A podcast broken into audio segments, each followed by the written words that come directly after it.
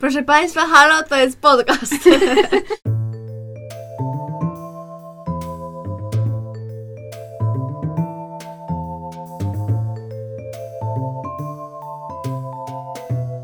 Ja mam na początek do Was takie pytanie. Powiedzcie mi, dziewczynki, jak to jest być podcasterką? Moim zdaniem to nie ma tak, że dobrze albo że niedobrze. Gdybym miała powiedzieć coś, co cenię w życiu najbardziej, powiedziałabym, że ludzi. Ludzi, którzy podali mi pomocną dłoń, kiedy sobie nie radziłam, kiedy byłem sama. I co ciekawe, to właśnie przypadkowe spotkania wpływają na nasze życie. Chodzi o to, że kiedy wyznaje się pewne wartości, nawet pozornie uniwersalne, bywa, że nie znajduje się zrozumienia, które by tak rzec, który pomaga się nam rozwijać. Ja miałam szczęście, by tak rzec, ponieważ je znalazłam i dziękuję życiu. Dziękuję mu. Życie to śpiew, życie to taniec, życie to miłość. Wielu ludzi mnie pyta o to samo, ale jak ty to robisz? Skąd czerpiesz tę radość?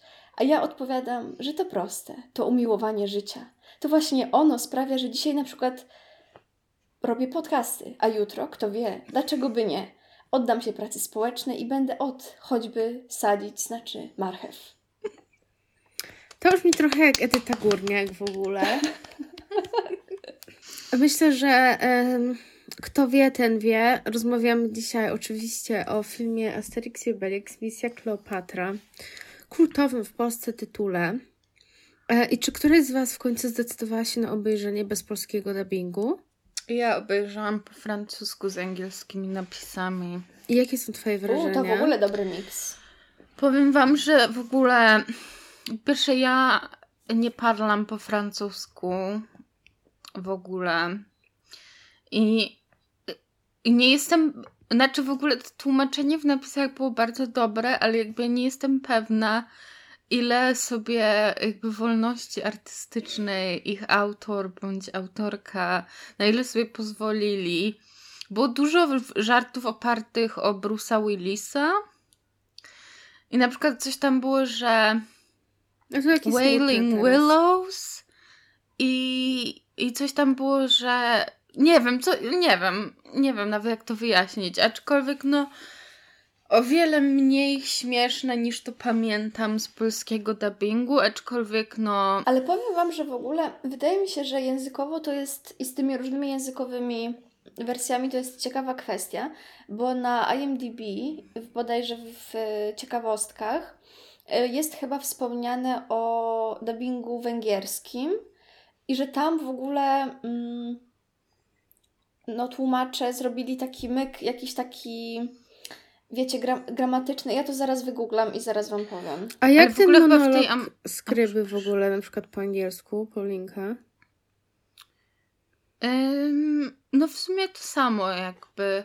Znaczy w ogóle i też z, te, z tego co ja pamiętam o dubbingu polskim, bo też to widziałam x lat temu, to mi się bardzo ten francuski głos tego typa jakby tak dobrze pasował do tego, co pamiętam z polskiego głosu i że Mhm. dobrze ten, kto mu podkładał, to zagrał, bo właśnie mm, był taki sam ton tego wszystkiego. Mhm. Czekajcie, ja już jestem blisko tego. E, chyba. Justynka, a to w ogóle był twój pierwszy raz oglądając. Yy, nie umiem mówić już.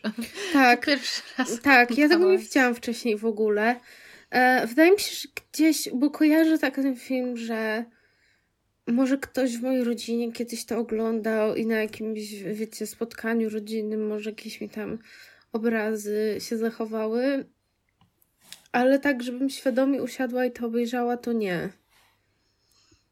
Bo ja mam wrażenie, że to jest jednak taka.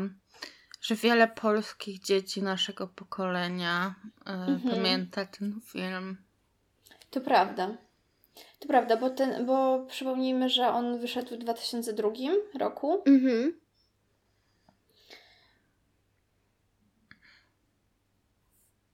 Słuchajcie, dobra, znalazłam, że w ogóle w tym węgierskim dubbingu mm, on był napisany w ogóle w takim zabawnym, ale y, przede wszystkim rymowanym, jakby w Hmm. rymem, o tak.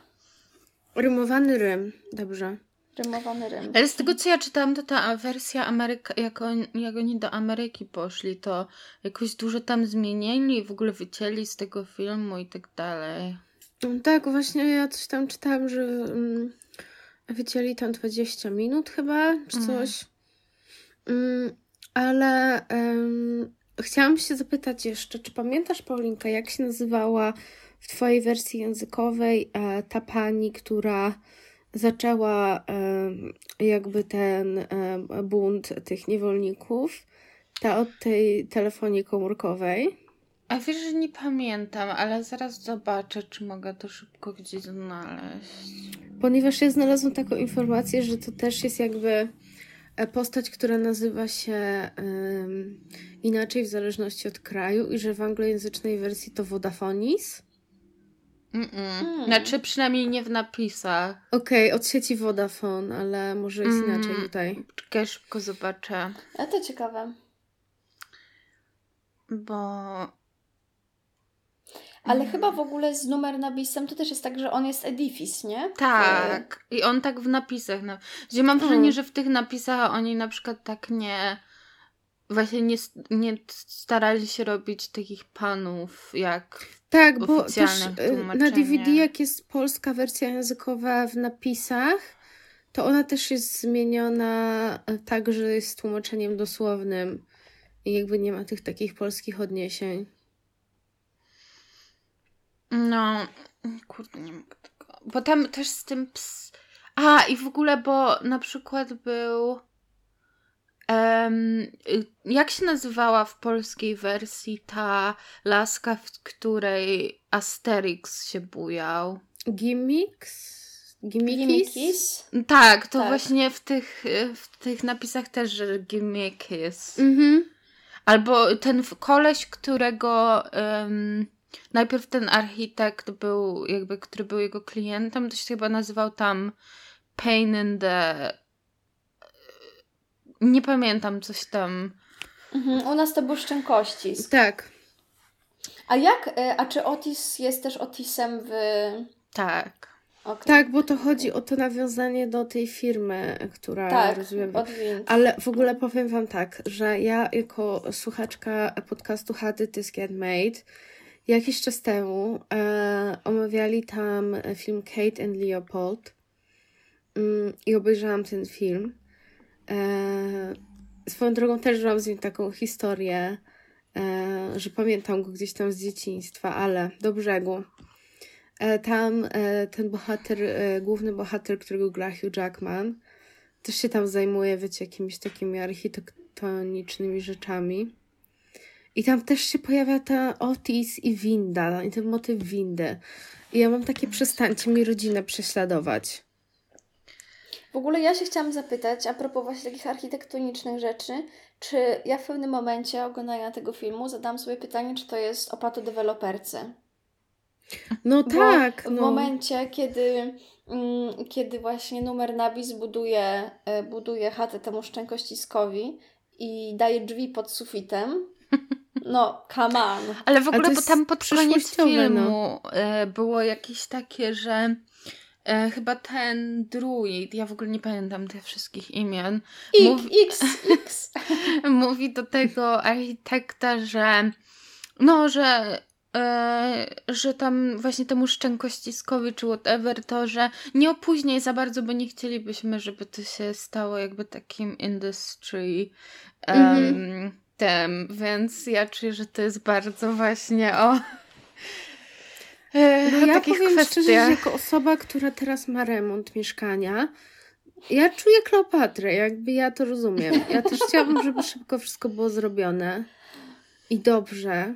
A jakby wiecie jak jest, no trudno jest znaleźć dobrego fachowca. Ja jeszcze mam drugą rzecz, która myślę, że Cię łączy z Kleopatrą, czyli zamiłowanie do kąpieli w wannie. Tak, no tak, no. W mleku? Czemu nie? Może być, jestem na to gotowa. Nie mam niestety takich wspaniałych apsów jak Monika Bellucci. E, Ale to czy ktoś może moją być uwagę. Moniką Bellucci jakby... Chociaż w ogóle ilość jakby ujęć jej badkraku to No to była prawda. spora. to prawda. To jest wszystko ważne dla sztuki. I dla tych pokoleń, Mhm. które się wychowały na tym filmie. Ale słuchajcie, zanim tak się na, na dobre mm, skupimy może na tej polskiej e, wersji, e, to co myślicie o tym filmie tak ogólnie jako o filmie, już tak abstrahując właśnie od tego humoru i, i tego polskiego dubbingu? No ja powiem tak, ja byłam zaskoczona w ogóle tym, jak długi jest ten film, no bo nie jest jakby, Mhm. wiecie, to nie jest Batman, ale e, trwał godzinę chyba 42, czy jakoś tak. Mhm. I jakby tego typu filmy, w ogóle uważam, że to jest skandal, jeżeli jakikolwiek z nich trwa więcej niż godzinę 20. To prawda, szczególnie, że w zasadzie no, ten scenariusz jest bardzo prosty i w ogóle ta fabuła też jest no, w gruncie rzeczy bardzo prosta, nie? Tam jest, to I ja jest w zasadzie- seria żartów po prostu wokół jakiejś Tak. takiej lekko zarysowanej fabuły. Ale w ogóle też Asterixa i Obelixa dużo tam nie ma. No to prawda. Gdzieś, przeczyta, jak gdzieś mi mignęła jakaś recenzja, że ktoś powiedział, że jakby Asterix i Obelix w tym filmie tylko jakby są reakcjami na inne żarty. I nie bardzo to jest jakoś ich historia. No i są tak z boku trochę. No tak, bo oni w ogóle tam żadnego takiego charakter arku nie mają, nie? Jakby w Mhm. ogóle są cały czas jakby w tym samym miejscu.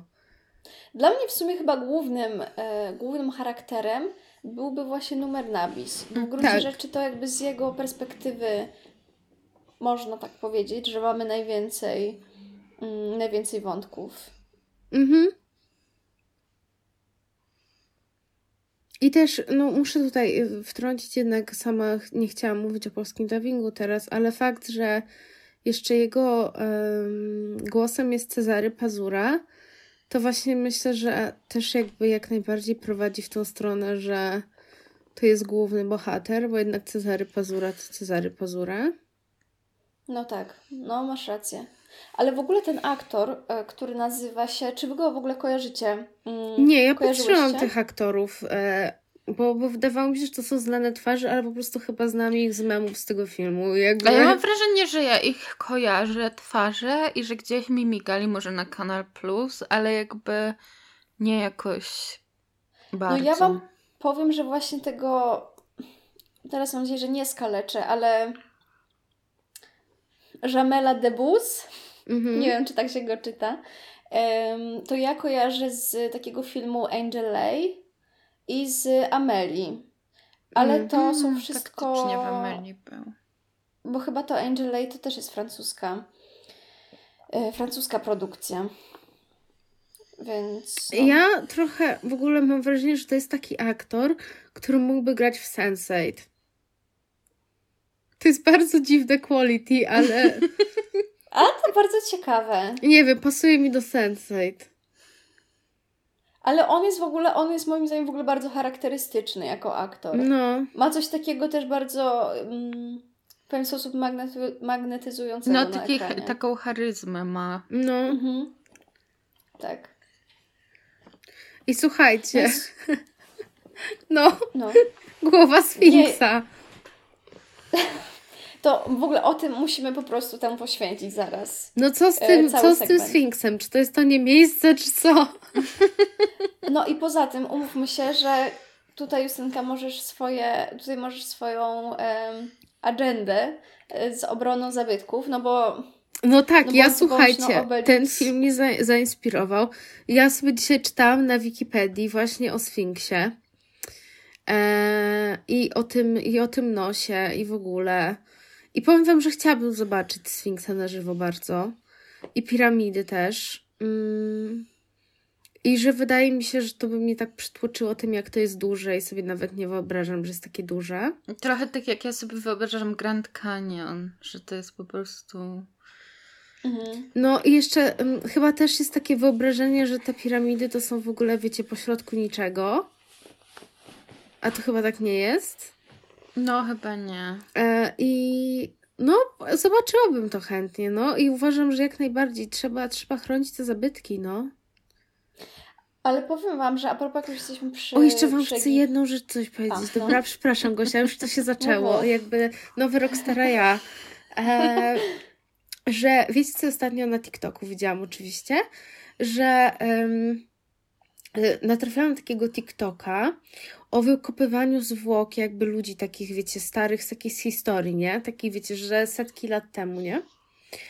E, I że w ogóle um, no to ogólnie wykopywanie ludzi z grobu no jest dosyć słabe, jakby umówmy się. no i jest taką, taką praktyką, wiecie, no że, no, że, że wiadomo, że weird feelings to wzbudza bardzo. E, ale że dzięki temu się dowiadujemy dużo rzeczy takich, wiecie, historycznych.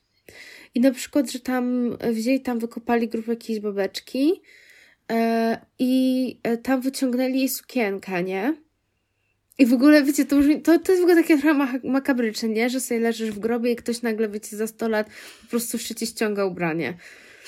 To nie chciałabym być na miejscu tej pani. Um, no i że oni wyciągnęli tą sukienkę i jakby byli w stanie zrekonstruować, jak mogła ona wyglądać w przyszłości. E, I jakby to dużo dało informacji na ten, te, na ten temat. E, I w ogóle taki, wiecie, o zwyczajach i w ogóle modzie i wszystko, wszystko, nie? I jest to bardzo ciekawe.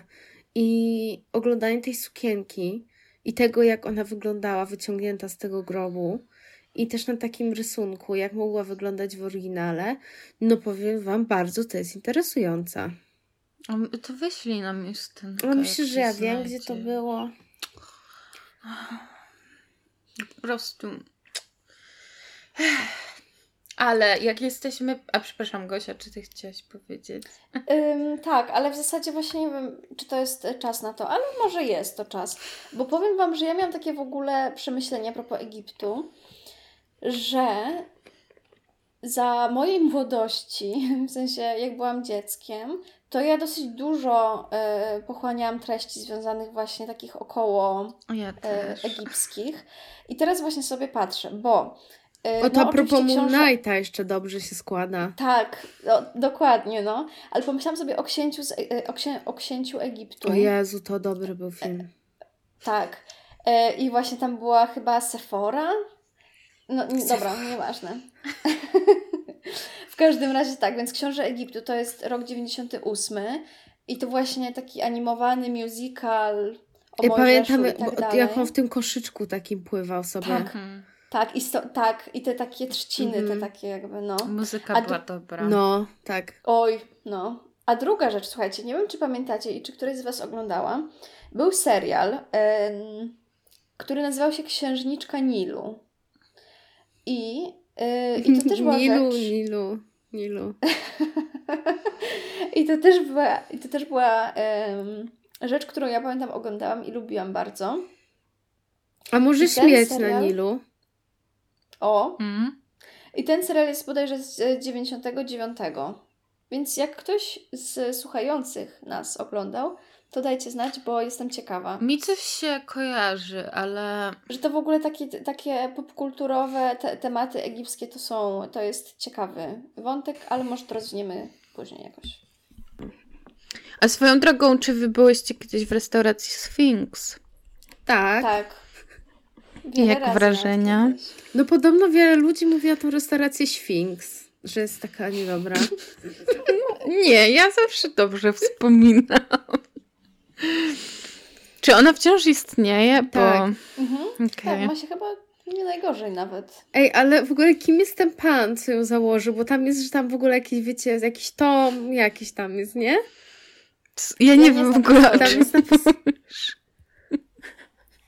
No bo jak jest, na, bo jak są szyldy tej restauracji, to tam jest napisane, że tam food by jakiś tom, ktoś tam. Nie to mam pojęcia. Nie wiem. Trzeba będzie sprawdzić po prostu. Agent Borek is on the case. Tom Malton. Best food by Tom Malton jest napisane. Mm, proszę bardzo. Fikcyjny czy prawdziwy patron sieci restauracji? Wyborczy napisany ten temat artykuł cały. ja chcę się dowiedzieć. To mi się trochę kojarzy. O jest za paywallem to jest z tym gościem, z tym gościem z Rossmana, Derek Rossman, którego książki sprzedają w Rossmanie. Nie, w ogóle, wow.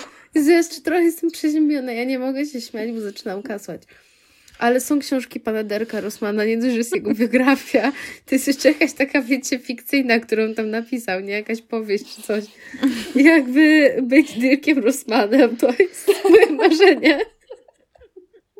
Wow. To jest nasz cel życiowy. Do tego dążymy. Kim jest Tom Malton? Ja się nie... Jest... O Boże, on nie istnieje.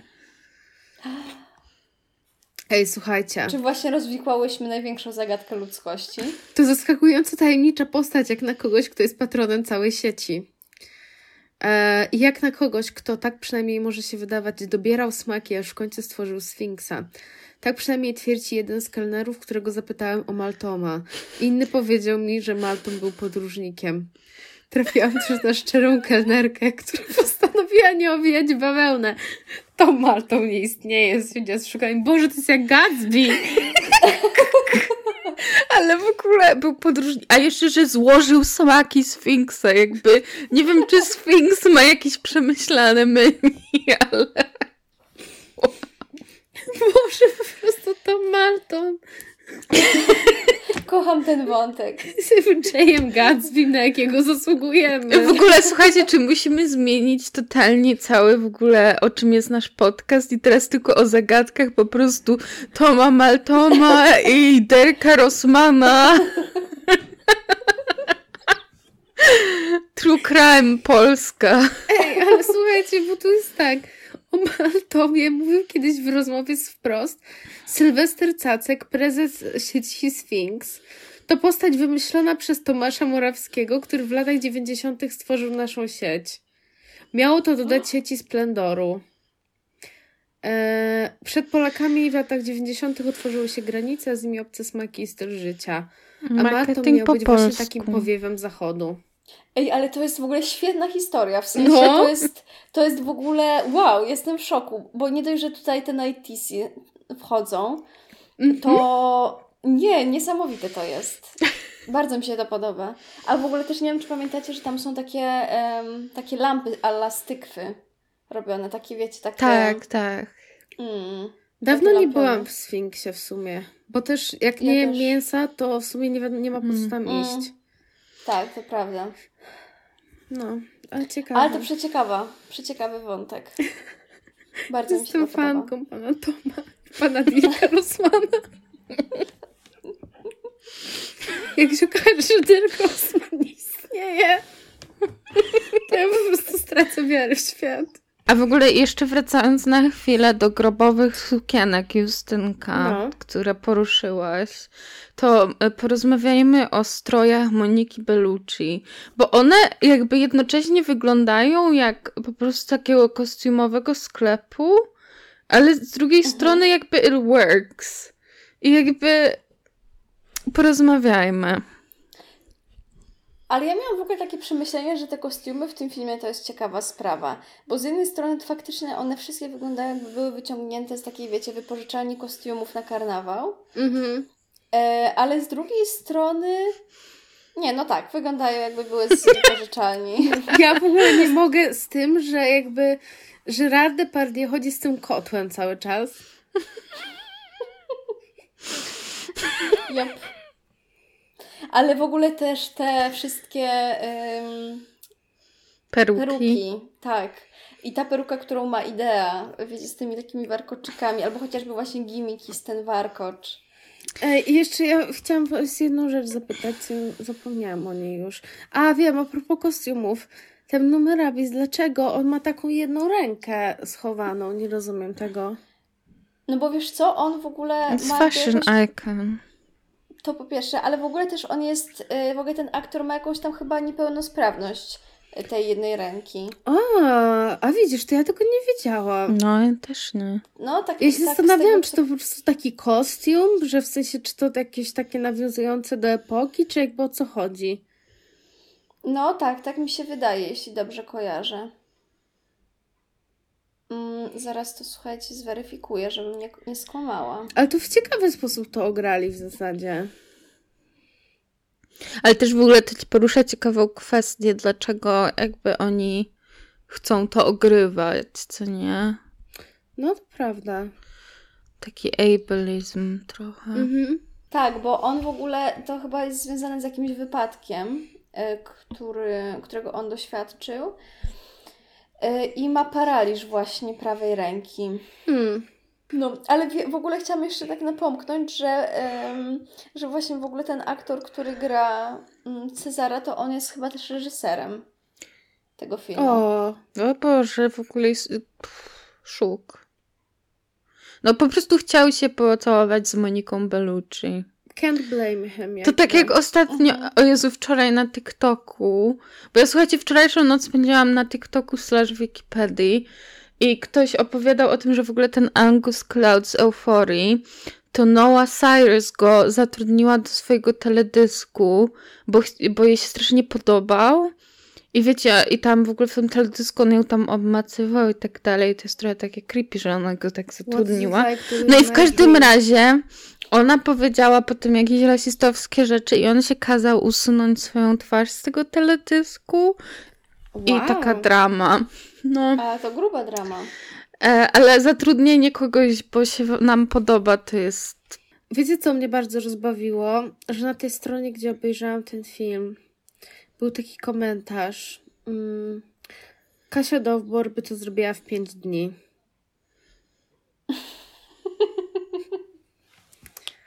I ja myślę, że jest to bardzo trafne. I ona by jeszcze po prostu w tym pałacu na koniec poustawiała takie ładne roślinki. E, jakby bardzo mi się to podoba. Tak, zgadzam się, zgadzam się. Ale to jest w ogóle też. Ja doceniam ten film, że to jest taki metakomentarz o w ogóle właśnie branży budowniczej. Tak. To w tym cenie. W tym I o cenie. tym, że niewolnicy są na umowę o dzieło. Tak, dokładnie tak. I pomyślałam sobie tutaj od razu właśnie, wiecie, też o, o w ogóle utworzeniu związku zawodowego. Tak. I A słyszałyście no. o tym, że e, pracownicy Amazona zrobili pierwszy związek zawodowy, em, pracownicy Amazona ze Staten Island. a coś, coś, wydaje mi się, że coś mi się mogło Ale potem chyba jakieś straszne drama to były, że ktoś im w ogóle mówił, że, że jak oni zrobią ten związek, to już po prostu przerąbane. No, no nie dziwi mnie to. Ogólnie Ameryka i związki zawodowe to Trudny temat. Trudno to. E, I słuchajcie, no oprócz tego, mm, to tak, mm, naprawdę cały czas podtrzymuję tą opinię, że ten film jest zdecydowanie za długi. E, I w pewnym momencie już mi się nudził i nie wierzyłam, że jest dopiero 40 minut e, tego filmu minęło. To, co mi się przypomniało jeszcze, to to, że obejrzałabym Goście Goście. I ja mówiłam o tym filmie kiedyś w podcaście, że jest francuska wersja i, ta, i amerykańska chyba, ale z tymi samymi aktorami. I tam gra Jean Reno i też Christian Clavier. E, No i to jest o tym, że jacyś tacy, wiecie, średniowieczni rycerzy, ry, czy rycerz i jego giermek chyba, że się przenoszą do współczesności. Okej, no, widzę faktycznie. To ala ten e, świąteczny rycerz. No tak. I myślałam o tym tym nawet. Powiem ci, że nawet o tym pomyślałam, jak zapisałam sobie to goście, goście. E, I obejrzałabym ten film, bo, bo dosyć go lubię i jedną i drugą wersję. E, bo, bo to jest taki film, co, który często leciał, wiecie, na, na TV4 w niedzielę o Mhm. 13. No i zazwyczaj go oglądałam, bo tam też w tej amerykańskiej wersji była Christina Applegate, Malcolm McDowell. Także wiecie, to, to spoko. Goście, goście. Ale to jest w ogóle, ym, mam wrażenie, że dobrze opisuje też właśnie Asterixa i Obelixa to, że to jest taki niedzielny film, który by leciał o 13 Tak. na TV4. Totalnie tak. No. Plus, ym, plus ja się też jeszcze zastanawiałam, no bo to nie jest jakby jedyny y, Asterix i Obelix ym, live action, że tak to Mhm. nazwę. Ym, I to też jest ciekawe, że no to, że w zasadzie ten film bardziej stał, jakby stał się jako chyba jedyny taki kultowy. No ja w ogóle miałam na DVD tą pierwszą część z tymi samymi aktorami i mega dużo oglądałam, ale tak pamiętam, że w dzieciństwie to nikt tego nie, nie oglądał, tylko wszyscy właśnie tą misję Kleopatrę. A w ogóle, jak jeszcze a propos w ogóle samego komiksu e, Asterix i Obelix, czy wy miałyście jakieś w ogóle zderzenie z, z nim? W ogóle. Ja nie bardzo, aczkolwiek właśnie dzisiaj w researchu, jeśli widziałyście na Google Docach, to właśnie e, coś tam czytałam a propos rasy w tych komiksach i tego, jak w ogóle one zaczęły być sprowadzane do Ameryki i jakby o tym, że ci wydawcy z Francji jakby nie chcieli, żeby cokolwiek było zmieniane w tych komiksach. A e, ci wydawcy amerykańscy tam, bo tam są bardzo przerysowane czarnoskóre postaci i tak dalej. I właśnie ci wydawcy amerykańscy nie, nie byli pewni w ogóle, jak się tym zająć. Nie wiem, jak to się w końcu rozwiązało, ale taki całkiem ciekawy e, temat, bo ktoś tam właśnie powiedział, że, że, te, że te komiksy, które właśnie tam mają czarnoskóre postaci, to, że lepiej pokazywać w książkach historycznych i muzeach kontek z kontekstem, a nie jakby sprzedawać dzieciom, bo one są white supremacist uh, cartoons i um, a, no i właśnie na przykład tam ktoś powiedział, że even a child knows that the Romans kept all types of slaves and promoted ethnicities of all types to high position. So it's easy to see that the purpose of making all of the slaves black in a modern white supremacist device. Także no. Ale to ciekawe, bo też e, ja też nie, nie wiem, szczerze mówiąc, nie sprawdziłam tego, z, z, jakby z jakiego, z jakich lat są, mm, są Chyba 50. Okej, okej, okej, okej. E, jeszcze... Ja oczywiście jak prawdziwa Polka, jedyne co dzisiaj zrobiłam, to tylko sprawdzałam, czy René Gościnny jest z Polski.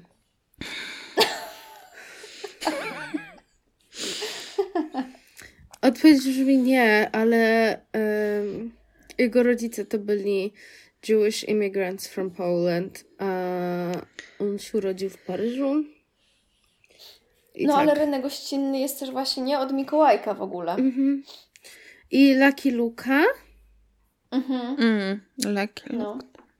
Ale powiem Wam, że jeszcze właśnie a propos Asterixa i Obelixa, to no ja nie byłam za bardzo też w ogóle komiksowa jako dziecko, ale pamiętam, że, że animowane filmy też widziałam Asterixa i no.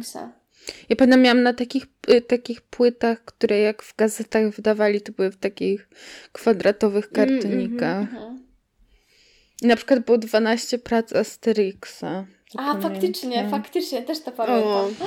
Masz rację, no. Gosia po prostu same childhood. No właśnie. E, słuchajcie, e, czy... Mm, bo ja sobie zapisałam jeszcze, że w tym filmie e, piraci są podsumowaniem mojego życia. jak, ten, e, jak ten koleś w tym, na tym maszcie po prostu w tej wodzie się powoli zatapia.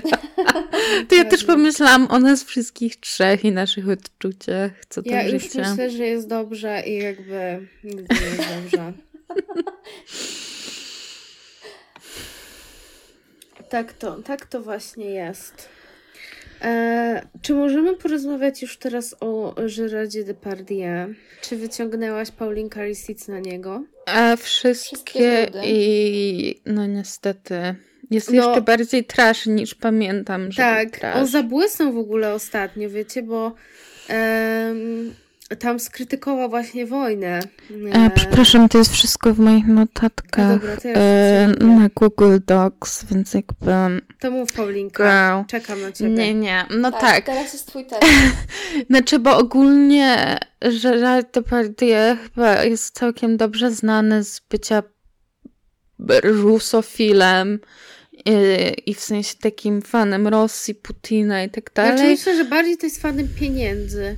No I... tak.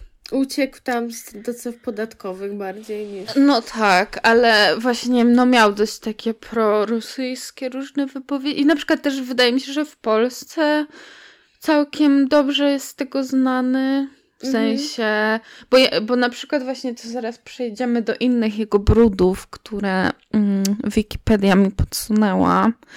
Em, no to właśnie chyba najbardziej z tej prorosyjskiej, czy proputin... Mhm. Putinowski. P- p- p- Poddaję się.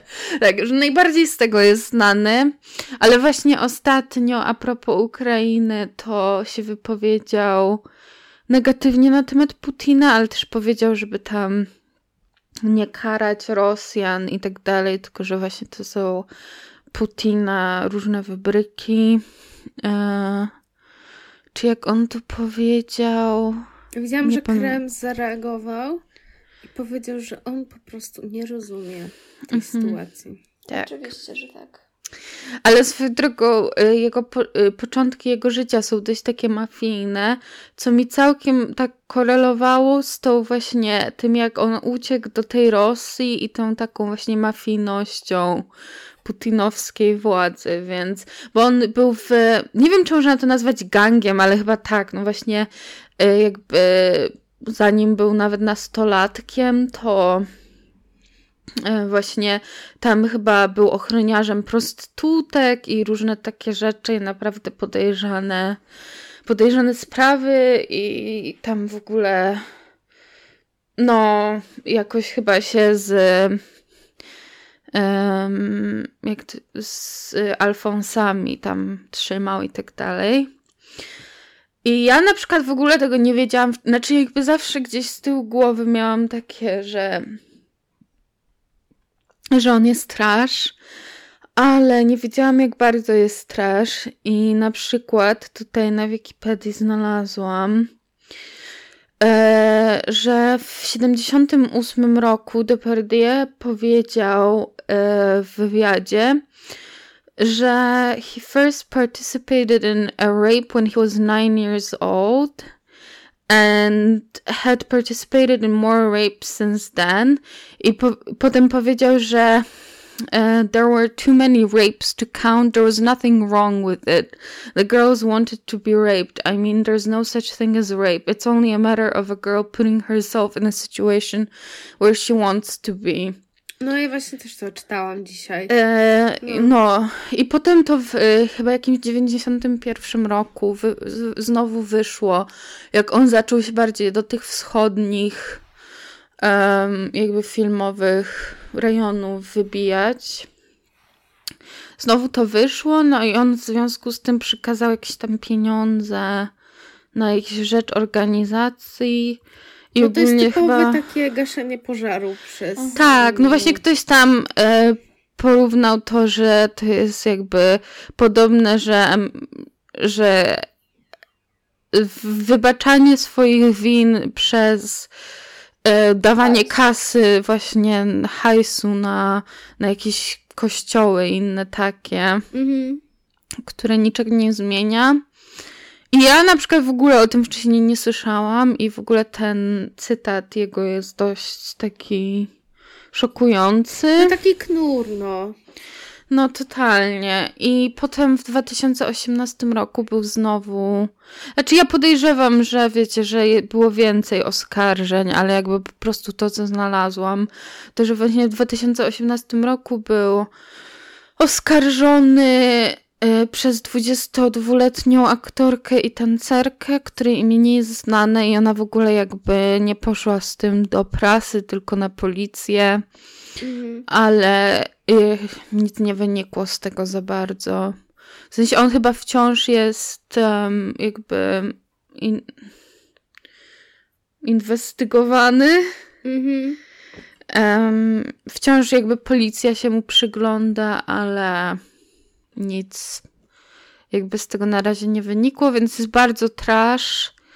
I, ale on w ogóle właśnie z tymi swoimi nie dość, że on do tej Rosji uciekł, to jeszcze w którymś e, momencie był w ogóle ambasadorem kultury w Montenegro I, a jeszcze w ogóle w 2015 roku, kiedy w ogóle zaczęły się te niepokoje między Ukrainą i Rosją, to on się tam wypowiadał na ten temat.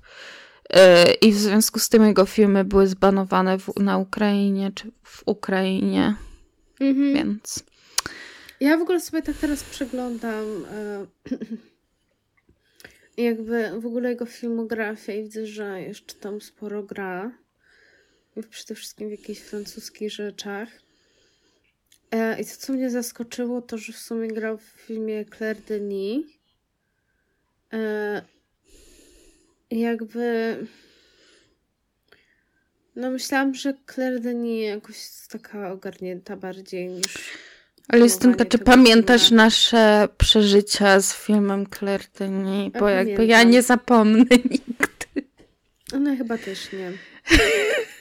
Niestety. Ale bo to trochę mi się właśnie kojarzy z taką, że znaczy, może to jest uogólnienie, bo ja też się nie znam na francuskiej kulturze, ale trochę mi się to kojarzy takie, ale właśnie bronienie Pola e, Romana Polańskiego, mm -hmm. co na przykład Monika Bellucci go broniła i takie... No, Roman Polański właśnie też taki działający w, we Francji, nie? Boys Club, który się chroni, po prostu stare dziady i... No, to... Albo na przykład, wiecie, jak ja patrzę, bo w ogóle jakby to się mnie ciekawi ten wątek rasowy w tym filmie, ale jakby nie mogę za dużo informacji na ten temat znaleźć. Ale właśnie jak tego szukałam, to ktoś, jakaś. Um, jakaś gazeta amerykańska napisała artykuł, czy Francja ma problem rasowy, tak jak Amerykanie. I ja mam tylko takie, no no shit, Nie. jakby w sensie... To jest... Ale tak, powiem wam, że mm, jeśli uważacie też, że to jest dobry moment, to możemy w sumie pogadać o tych wątkach rasowych. E, ja bym chciała tylko jeszcze koń, kończąc temat mhm. Gerarda Depardieu e, powiedzieć Wam, że ja go kojarzę w ogóle. Um, on, no tam kilka tych filmów z nim to, to takich oczywistych bardziej typu Bogus albo um, Boże, ten człowiek w żelaznej masce, jakieś tego typu mhm. rzeczy. Ale ja pamiętam, że on chyba grał jeszcze w takim filmie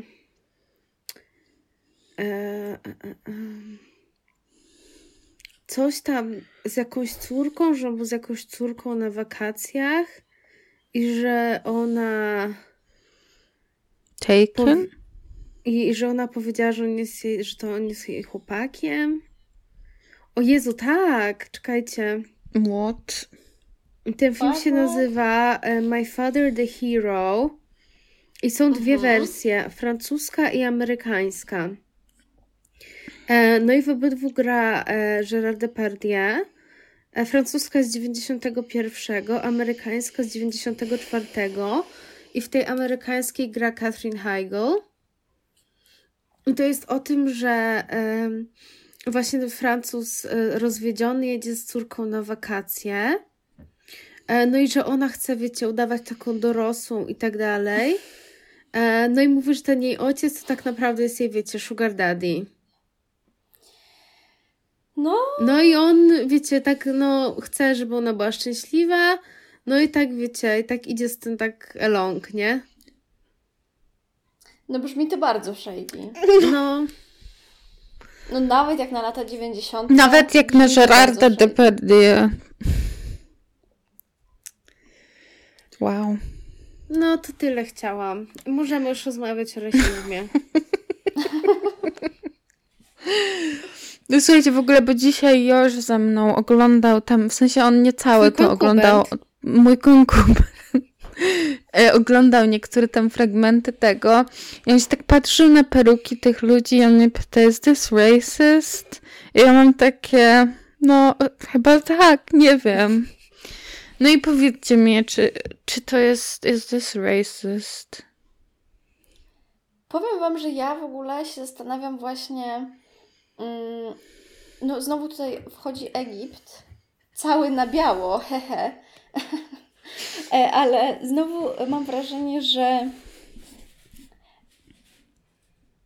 że z Egiptem tak w popkulturze to jest ciekawa trochę sprawa. I tak właśnie też. No on jest taki bardzo chodzi. wybielony w naszej. Mhm. Trochę jak ten Tak. Jezusek biały, który... Mhm. Totalnie tak, nie? I że. No i w ogóle Kleopatra jest strasznie. Bo chyba ona też jest widzia widziana często przez ten taki pryzmat klasyczny, właśnie rom No też Rzymsko-grecki. Taylor. Taki wiecie, no te klimaty. A zresztą swoją drogą, w sensie, że też klasyki właśnie grecko-rzymskie są dość, wybi- znaczy, że jakby nasze postrzeganie historyczne jest bardzo wybielone. Mhm. E, No i Egipt tak samo. No i. Ale właśnie jeszcze jakby w tym. e, W tym filmie jednak większość tych właśnie niewolników jest mm, czarnoskórych, a zwłaszcza jak tam w ogóle jest ten moment, że Kleopatra jedzie do Cezara To prawda. To właśnie ciągną ją czarnoskórzy mężczyźni i tak średnio się to ogląda. Mhm. A jakby, bo ja nie, jakby ja w ogóle historycznie nie, nie bardzo w ogóle się orientuję w czymkolwiek. Jakby nie wiem właściwie jak to wyglądało, no bo też w ogóle przecież em, egipskie imperium w różnych formach, jakby to nie były tylko czasy Kleopatry i tak dalej, więc jakby ja nie wiem za bardzo jak to wygląda, ale pamiętam w Biblii, że był wątek, że Żydzi byli niewolnikami egipskimi. Więc jakby. Czy, czy wy macie jakieś informacje na ten temat? Ja nie mam, bo to wydaje mi się też taka bolączka, wiecie. W ogóle całej, całej edukacji na zasadzie, że wiecie, uczymy się tylko tego, co jest nam jakby tam potrzebne do, do tej narracji jakiejś. Mhm. E, No i w sumie też jak się uczycie o Kleopatrze, to raczej mało się o niej uczy w kontekście historycznym, a bardziej no, miała tylu wspaniałych kochanków i kąpała się w mleku i była chora. Martek i, i jej makijażu, Tak, jej makijażu, no. który swoją drogą on point. No. To prawda. Tak, ale tak, to, to bardzo ciekawe właśnie, o czym, o, o czym mówisz, Justynka, o tym takim, że historycznie, jakby nawet na historii się skupiasz na tym, jak ona wyglądała, No. a nie na tym, jakby jakie działania polityczne, strategiczne i tak dalej prowadziła. Ale ja też w ogóle pamiętam, że niedawno był jakiś artykuł National Geographic, który tam odtwarzał, jak ona wyglądała. I właśnie miała takie bardzo, w sensie, no bo Egipt jest w Afryce, więc miała jakby właśnie takie e, odtworzone, jakby, no bo właśnie dotychczas była bardzo widziana jakby tak biało i miała odtworzone właśnie nieeuropejskie rysy. I właśnie pamiętam, że to było jakieś takie bardzo dla ludzi szokujące, że Kleopatra nie była białą kobietą. Ale ja sobie właśnie też... A, przepraszam, coś chciałaś powiedzieć. Nie, bo chciałam sobie tak zażartować, że To dawaj. dla mnie szokujące na przykład jest to, że Jezus nie wyglądał tak jak Ewan McGregor jako Obi-Wan Kenobi. Bo to jest dla mnie taką wygląda. E, ale wiecie co, jeszcze tak a propos w ogóle tak, takie, taka mała dygresja trochę. E, myślę sobie o tym właśnie, o hot ludziach z historii i jak są przedstawiani. No bo czy uważacie, że Aleksander Wielki był hot? W takim społecznym imaginarium? Mhm. Tak. No właśnie, a nawet o nim się nie uczy w takim kontekście, wiecie, jak był hot i ile miał tam kochanek. Koło jego podbojach. I Ale on Powie- też w ogóle był chyba gay icon, także... no, ale te, nie, no przecież miał jakąś tam, rok, nie, Roxana ona się tam nazywała, czy jakaś inna tam, nie wiem. Może znowu tutaj te wątki z Rano de Bergerac mi się mieszają a propos Gerarda Depardieu. Ale jakaś tam była, nie wiem. Eee, no i Mhm. w ogóle jeszcze wiem, a propos tego naszego cyklu teraz egipskiego, em, to tutaj zbaczając z tej, z tej tematyki, może o filmie Aleksander z Colinem Farrellem i w którym e, Angelina Jolie gra jego matkę. O wow. No tam jest, nie wiem, rok różnicy między nimi. No, nie wiem. W ogóle to będzie straszny off-topic, ale a propos egipskich tematów, przepraszam, która z Was czytała taką książkę o tym, że gość okazuje się mumią? Jezu, ja to czytałam, ja to czytałam. Tak, parodia Zmierzchu, w którym nie mamy wampira, ale mumię. A to była bardzo dobra książka. Tak, czas mumii, I tam te bandaże polecamy. takie. Z polecenia Justynki przeczytane. A jeszcze raz tytuł jaki jest? Czas mumii. Okej, okej, czas mumii. E, Still a no- better love story than Twilight. Ale powiem Wam, że mm, jeszcze a propos tego Egiptu, to myślę sobie, że to też jest bardzo ciekawe, takie kulturowe postrzeganie, bo mimo, że to jest Afryka, to jakby wiecie, tak historycznie właśnie przez edukację i tak dalej, nie czujemy, że to jest ta Afryka. No ja W sensie- przepraszam, ale jakby większość e, artefaktów egipskich znajduje się w Wielkiej Brytanii. No, to dokładnie, to, to jest dobre podsumowanie. I tego, że, e, więc to jest jedna rzecz. A myślę sobie też właśnie z takim, w takim połączeniu z filmem, że, ym, no, że tam też chyba paru aktorów jest, no właśnie jakby ma jakieś tam albo mm, korzenie też marokańskie, albo a to z Gujany francuskiej i tak dalej. I to we, w kolei w kontekście Francji też jest ciekawe. Ale w ogóle ten e, reżyser jest, e, był urodzony w Al Algierii, Mhm. która właśnie ma dość taką e, burzliwą e, historię kolonialną Mhm. No tak. z Francją. A swoją drogą, a propos właśnie takich kolonialnych smaczków, to ja pamiętam, jak moja nauczycielka historii, która w ogóle była y, przedziwną postacią w gimnazjum, to ona, pamiętam, że, że, bo w ogóle to było jakoś tak, ja chyba, y, to było jakoś tak w okresie, kiedy były te różne wiosny arabskie. No i w każdym razie pamiętam, że ona e, w którymś momencie na historii powiedziała, że słuchajcie, jedźcie szybko do Egiptu, bo wiecie, teraz jak e, my stamtąd wyjedziemy, e, w sensie, że Zachód stamtąd wyjedzie, to te wszystkie zabytki tam upadną, więc wiecie, oglądajcie to póki można. I'm Tylko like, Zachód chroni zabytki. girl, what the fuck? No tak. Edukacja w Polsce. Ale to trochę mi przypomina tego mema e, takiego, e, pamiętacie jak był e, początek em, kwarantanny covidowej, był ten taki mem o tym, że wiecie, takie puste ściany w muzeach brytyjskich. Nature is healing, nie? Że, wszystko tam wraca na swoje miejsca. W ogóle ja bym strasznie chciała e, to zobaczyć, bo w Londynie teraz, znaczy nie wiem, czy to nadal jest, ale że była taka seria, że był, że jak się szło do tych muzeów największych i chyba to też we Francji było, to e, że był e, jakby jak są te takie Tak, a... co y, opowiadają y, jakby o Tak. tych, y, o tych y, artefaktach i tak dalej, to była taka, że seria, że jakby prawdziwa historia i właśnie opowiadają o tym różni ludzie pochodzenia, na przykład właśnie z różnych państw afrykańskich i tak dalej, jakby co, skąd naprawdę pochodzą te różne artefakty.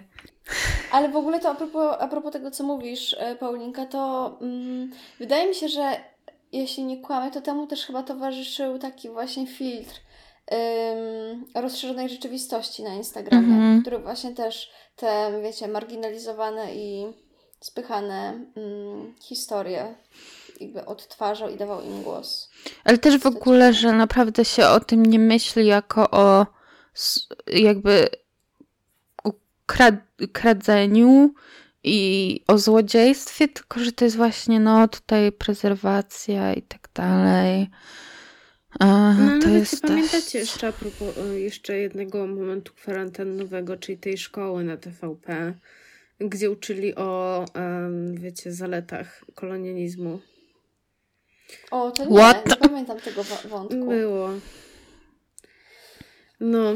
E, Znaczy ja to pamiętam też z podręczników swoich na historii, że No, no właśnie tutaj slave trade, to tutaj... No bo po prostu przynieśliśmy, wiecie, to oświecenie i światło tym ludziom.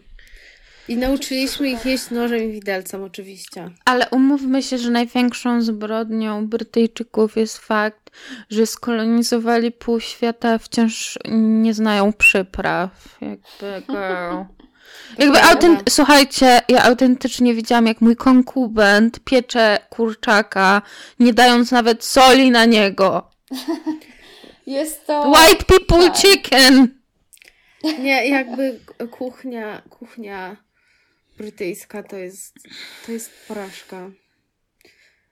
To jest porażka. To I jest właśnie faktycznie, że wbrew, podcast. wbrew pozorom, no to wydawałoby się, że jakby mm, przez jakby to m- mnogość tych kolonii, jakby to byłoby bardziej takie, wiecie, no różnorodnie, różnorodne, nie wiem, czy kulturowo, No czy kulinarnie. na, na, Ale jakby na. to wszystko chodziło o to, żeby jednak to, wiecie, żeby to z Wielkiej Brytanii szło tam na te inne i... Albo w ogóle Wiecie, też... E, a, przepraszam, Gosia. Nie, mów, mów, no, no. Nie, chciałam tylko powiedzieć, że w ogóle jak moja koleżanka na różne składała na doktoraty do różnych instytucji, to w ogóle jednym z jej projektów był pomysł o tym, żeby w ogóle napisać o tym, jak herbata, która jest w ogóle kwintesencją brytyjskiej e, osobowości, która jest w ogóle kompletnym, jakby nie jest w ogóle, nie rośnie w Wielkiej Brytanii, w ogóle została importowana i tak dalej. Jakby ten zgryz po prostu u podstawy jakby brytyjskiej identity jest Mhm. dość ciekawy. No, to prawda, to jest super ciekawe. No, powiem Wam właśnie tylko jeszcze a propos, e, a propos tych przypraw, mm, bo przypomniało mi się, że na jednych z moich zajęć na studiach mm, rozmawialiśmy o takim projekcie, e, takiego, no nie wiem, nazwijmy to kolektywu, który się nazywa The Center for Dynamic Gastronomy i on kiedyś miał taki e, taki projekt właśnie związany z przyprawami. I to był taki taki komputer, nazwijmy to taki w takim no tak, taka maszyna, która przypominała taki, wiecie, mega retro komputer. E, I chciałabym tylko zobaczyć, jak to się nazywa, ale poszukuję Najlepsza przyprawa to jest wiadomo magii i kucharek. Tak. E, Ale właśnie to było bardzo ciekawe w tym kontekście, o którym tutaj mówimy, że też tego jakby jak w ogóle przyprawy i to jak one podróżowały po świecie e, były dobrym że wiecie, to była dobra obserwacja też tych w ogóle kolonijnych wpływów Mhm. i tego, co się, co się na świecie działo po takiej gastronomicznej, tej Ja- gastronomicznej. W ogóle kupiłam mojemu tacie chyba na urodziny czy coś w tym stylu, taką książkę, którą strasznie bym chciała od niego ukraść, Hungry Empire i ona właśnie jest o jakby o takim gastronomicznym jakby kolonizatorskiej historii właśnie Wielkiej Brytanii i wygląda mega ciekawie. No ja właśnie No, chciałam tak, kolnąć to super. out Gosię, że ona po prostu pochodzi z domu, w którym bardzo się ceni magii i Tylko niektórzy członkowie tej rodziny cenią magię. ja myślę, że tu mamy jakby pierwszego kandydata na sponsora. Magii, kucharek, halo? Proszę halo? Słuchajcie, a może cały podcast tak jak byli bulionerzy sponsorowi, w O sensie to był cały po prostu oknorze. Ej, w ogóle bulionerzy to jest, to jest warte poruszenia też w podcaście. To był jedyny polski serial, który moja mama pozwalała mi czasem oglądać. Jakby. Ej, słuchajcie, odcinek takie- o bulionerach musi być. Dobra, ale oni mieli takie super cool mieszkanie. Że Tak, chodziło po Jezu, tak! I ja tą czołóweczkę pamiętam. Bulionerzy. Ale w ogóle, że ten ojciec był kanarem, to też dobre było, nie? Tak. Tak. Słuchajcie, ja, ja czuję, że tu się kroi gruba analiza tego. Ale Słuchajcie, no i nie tęskniłyście za podcastem, po prostu te No ja umysły nasze, które się łączą. klasowe w bulionerach to jest pomysł na mój doktorat kolejny. Tutaj w ogóle. Ja myślę, że jak, jak nie ty, to kto Justynka? Swoją drogą, właśnie jeszcze szybko a propos egipskich e, różnych takich e, tematyki przewijającej się, to ja bardzo polecam. Jus- A, Justynka, myślałam, że tutaj pokazujesz Nie, jakieś ja ważne się te... po prostu. E, to bardzo polecam serial Rami, który jakby jest stworzony właśnie przez typka, który jest egipskiego pochodzenia muzułmaninem I nie jest Rami. Malek. Nie. E, I właśnie on jakby. Ja widziałam tylko pierwszy sezon tego serialu, on ma chyba jeszcze drugi sezon. I właśnie on jakby jest z takiej bardzo, bardzo ciekawym, e, pod ciekawym kątem takiej e, osoby właśnie w naszym wieku milenialsa, który jakby jest religijny i wierzy mocno w Boga i jakby jak mu się w ogóle e, właśnie z tą tradycyjną e, muzułmańską i właśnie też tym egipskim pochodzeniem, jak mu się łączy współczesna Ameryka i tam w ogóle są e, poruszane takie wątki na przykład genderowe, tego jak jego siostra jest jakby inaczej traktowana, mimo że jakby są w tym samym wieku i różne takie, więc jakby staram się tak jak najszybciej powiedzieć, że to jest bardzo ciekawy serial i on w ogóle tam jedzie też do Egiptu i bardzo ciekawe to jest, no. Słowem polecasz. Polecam. Ja jeszcze tak mogę wam powiedzieć, że jeżeli chodzi o film Asterix i Obelix Misja Kleopatra, to ten film przyciągnął 14,5 miliona widzów i był czwartym francuskim filmem w historii pod względem widowni. E, A nie sprawdziłam, czy był, czy jest w sumie. Ale. E, e, ale tak. E, widzę, że patrzę sobie na box office teraz w tym momencie. Jeżeli chodzi o najlepiej zarabiające filmy w Francji, to na szczycie w ogóle box office'u, tak ze wszystkich filmów, jest Titanic. E, jako drugi jest właśnie francuski film z Danny Boonem, który jest no, znanym aktorem francuskim. Po polsku ten film nazywa się Jeszcze dalej niż północ. To możecie kojarzyć, bo ja kojarzę tak po tytule. Mi coś tam, coś, coś, coś. Wydaje mi się, że to jest jeden z tych filmów, e, który mówi, wiecie, o e, różnicy tej kulturowej pomiędzy północą a południem Francji. I on też ma chyba em, swoje e, odpowiedniki w innych krajach, na przykład włoski. Mm, okej. E, oglądałam ten film, bo e, włoska wersja nazywa się właśnie Benvenuti al Sud, czyli tam witajcie na południu. I też tam mówię o tych różnicach właśnie językowych na przykład, że oni się tam nie mogą porozumieć i tak dalej, nie? Em, więc, więc tak. Czy to jak gwara góralska w Polsce?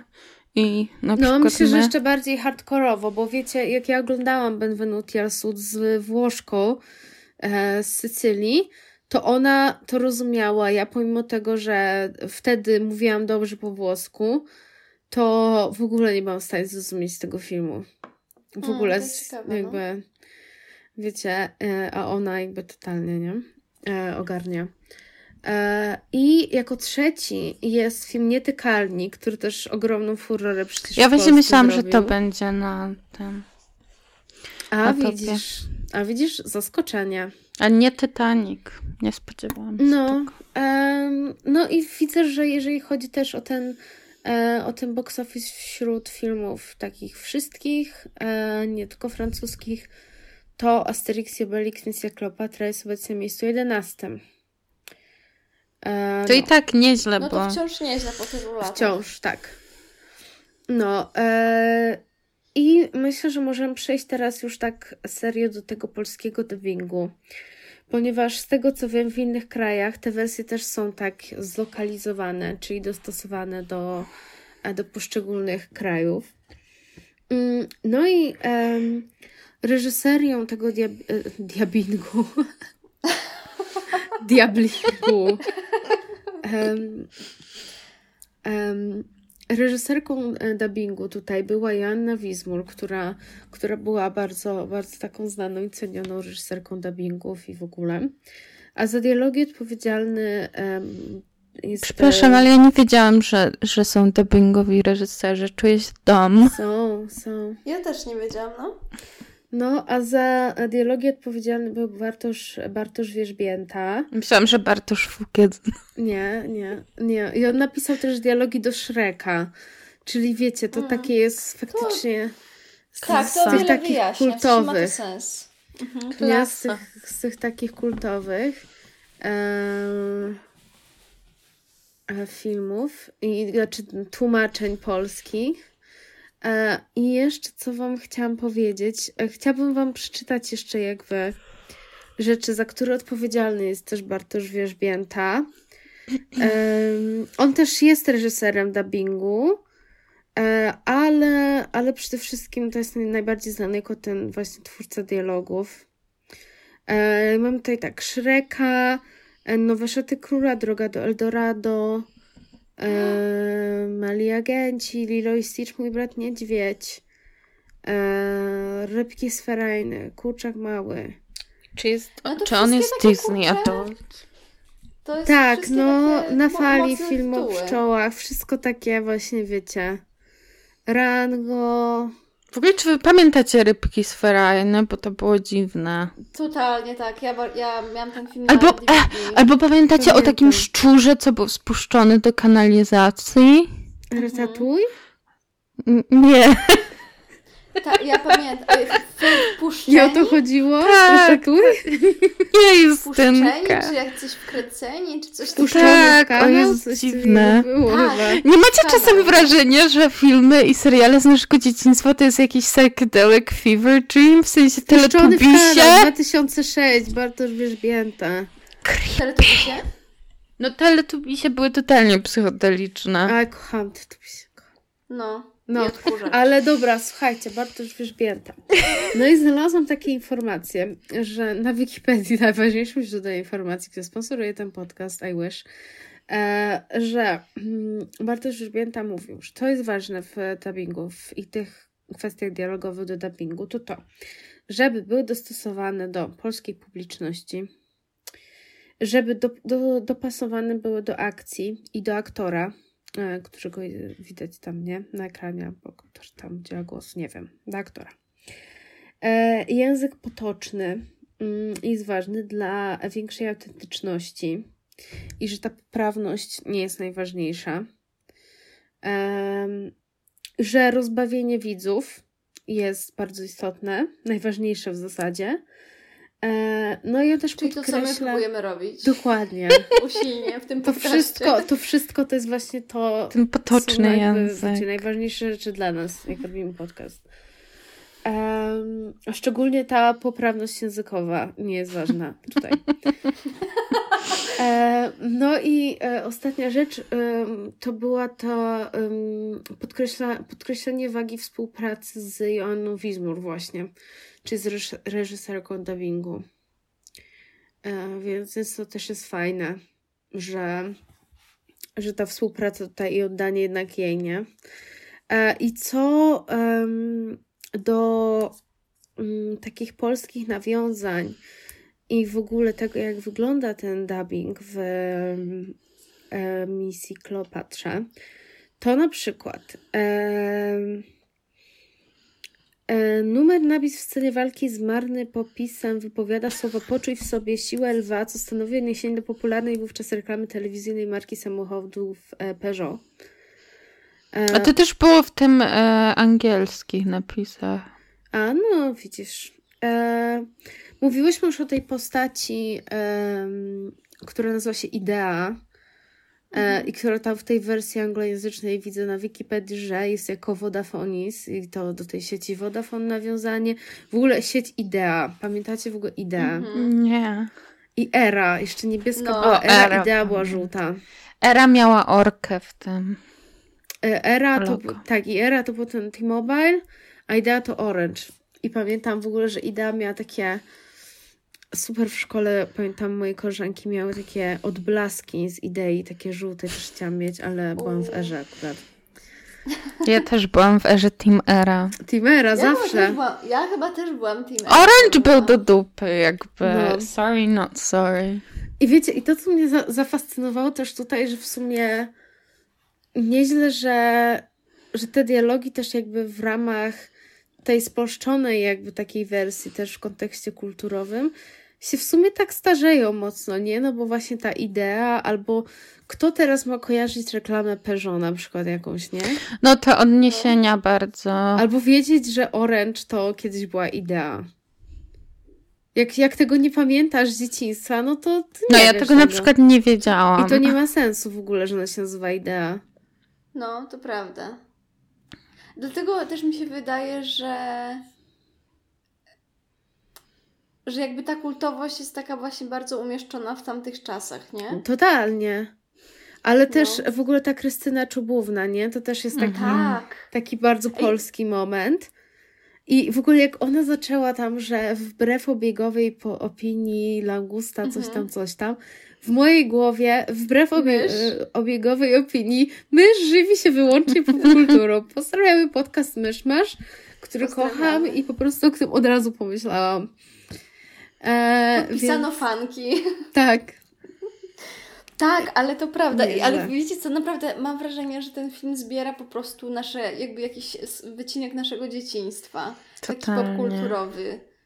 No I ja też jest- du- dużo w ogóle o te, też myślałam o tym filmie w takim kontekście, że w sumie znowu wracamy do takiego rozproszenia, em, wiecie, o którym chyba też kiedyś już mówiłyśmy, że w sumie trudno jest teraz o taką jedną rzecz, która by gdzieś tam łączyła wszystkich, nie?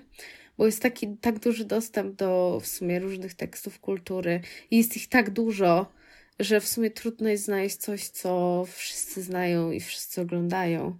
A wówczas jakby było znacznie Mhm. łatwiej o coś takiego. To prawda, szczególnie też mam wrażenie pod kątem komediowym, gdzie jednak Mhm. humor jest taką rzeczą. Mm, no taką, że ma swoje różne nisze, nie? Mhm. A Polacy w ogóle nie mają poczucia humoru. Ale też to w ogóle, ja sobie tak myślę, w ogóle wczoraj właśnie, nie wiem czemu, ale zaczęłam czytać o Smarzowskim i Pawlikowskim i jakby najbardziej random w ogóle ten, ale i Pawli, bo Pawlikowskiego jednym z pierwszych filmów był coś tam Summer of Love, Tak, gdzie w ogóle z Emily Blunt i coś tam. Ja w ogóle Mhm. pamiętam, jak ty y, na zajęciach z doktorem Jachymkiem mówiliście, mówiłaś Justynka, że właśnie Pawlikowski to nie do końca polski reżyser i ja wczoraj wreszcie zrozumiałam to. No, ale w każdym razie y, do brzegu. Właśnie Pawlikowski tam mówił o tym filmie, że jego nie inter- że to jest takie bardzo brytyjskie, że żeby pokazać jakby to życie jakby nastolatków w Wielkiej Brytanii z tego czasu i tak dalej, i tak dalej, a że on bardziej chciał stworzyć takie uniwersalne, coś tam, jakieś opowieści o uczuciach i tak dalej. No jakby z jednej strony to tam ple, ple, panie, ale z drugiej to jest jednak coś ciekawego, że często właśnie różne takie elementy popkulturowe czy nawet technologiczne się strasznie szybko starzeją, a jednak pozostają jakieś tam uniwersalne różne opowieści i tak dalej. Na przykład też pamiętam, jak e, moja koleżanka polecała mi jakiś tam yy, książkę o jakimś tam, nie wiem, śledztwie w sprawie morderstwa i tak dalej. I ona powiedziała, że ona myśli, że ta książka się źle zestarzeje, bo strasznie tam dużo jest jakby takich tylko jakichś earpods albo podcasta i tak dalej i że jakby to się tak nie utrzymuje dobrze jakby później w literaturze i to jest całkiem ciekawe. Chociaż z drugiej strony ja też my, myślę czasami o tym, oglądając jakiś film, że w zasadzie z jednej strony tak, ale z drugiej, wiecie, oglądając teraz, nie wiem, film z lat 50., 60. czy coś, no to jakby nie masz problemu ze zrozumieniem właśnie, nie wiem, na przykład tego, że technologia wygląda inaczej. To prawda, bo też mam wrażenie, że to się po prostu ten jakby mm, zasięg różnych mediów i też to, że powraca się, nie? W sensie do winyli, do VHS-ów i tak dalej, że to się coraz bardziej po prostu poszerza ten zasięg No i że ludzie też tak żyją na takich przełomach, nie? Ale swoją drogą, co jest ciekawe, tak jak właśnie, że powraca się do winyli i tak dalej. Teraz mam wrażenie, że trochę tak jak ten cykl na przykład mody, to tak samo technologii, że teraz się powraca do słuchawek na przykład z kablem. Mhm. I to jest jakby z, po prostu sprzed, nie wiem, dwóch lat trend. I jakby już mamy ten cykl, który się coraz szybciej tak, i że w ogóle te cykle się skracają coraz bardziej, No. nie? Też te modowe. No, To jest tak. tak. Ale to tak jak rozmawialiśmy też na zajęciach, e, na naszych studiach, że jakby te, że te media nigdy nie, to nie jest takie linearne, nie? Ten rozwój różnych, różnych mediów. I że one też po prostu nie, że zastępują siebie nawzajem, tylko że zmieniają jakby swoją rolę. Mhm. Tak. Więc, więc to tak. Ja w ogóle chciałabym, nie wiem, czy to już zmierzamy ku końcowi. Tak, byłam 5%. Dobra, e, ale ja chciałam w ogóle wspomnieć taki mm, akcent humorystyczny na koniec. I popraw mnie, Paulinka, jeśli źle pamiętam, ale czy to ty miałaś tą historię z koleżanką, która obraziła się na ciebie? obraziła się na ciebie i właśnie monologiem. Ale to nie wiem, czy to był monolog skryby, czy jakimś A nie, z... nie, dobra, nie, bo to było tak, że w ogóle to nie było do mnie, nie, to nie było Okej. do mnie, ale moja koleżanka em, miała na studiach, w sensie kolegowała się na studiach z taką dziewczyną, która była straszną dramą queen i ciągle tam próbowała w ich jakby grupce znajomych robić jakieś dramy. No i w którymś momencie ona już w sumie była tak wyautowana z tej grupy. Nie wiecie, jakoś tak wrednie czy coś, tylko po prostu tak naturalnie. I ona zaczęła pisać do mojej koleżanki, że właśnie, że musimy się tam razem jakby przeciwko, tam wiecie, wiecie, jakieś totalne drama, jakby 25-letnia drama queen, jakby level hard.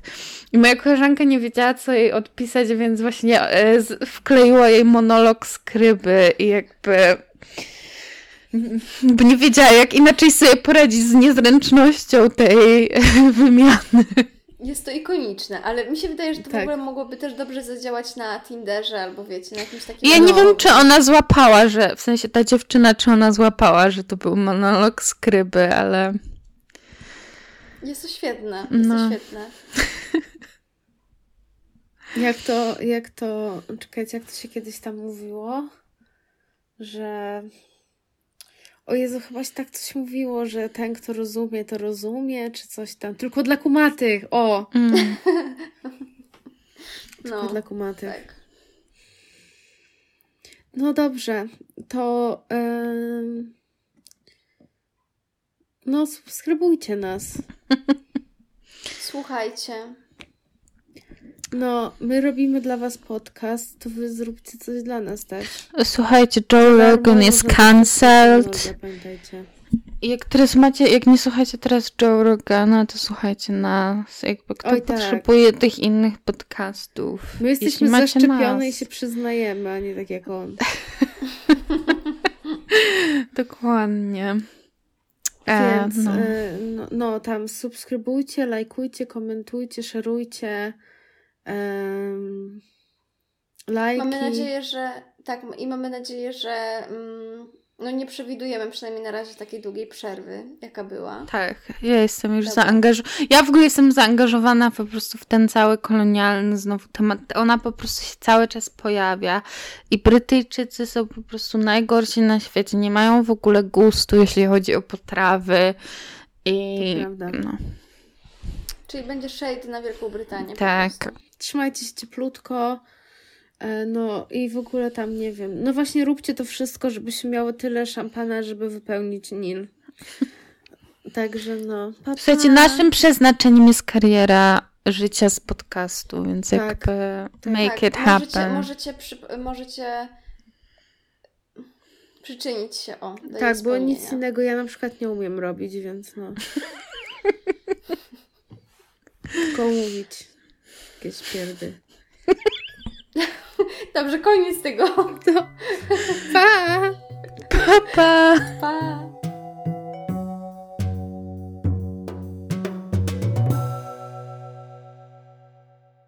Oj, zaczekajcie, muszę sobie smarknąć.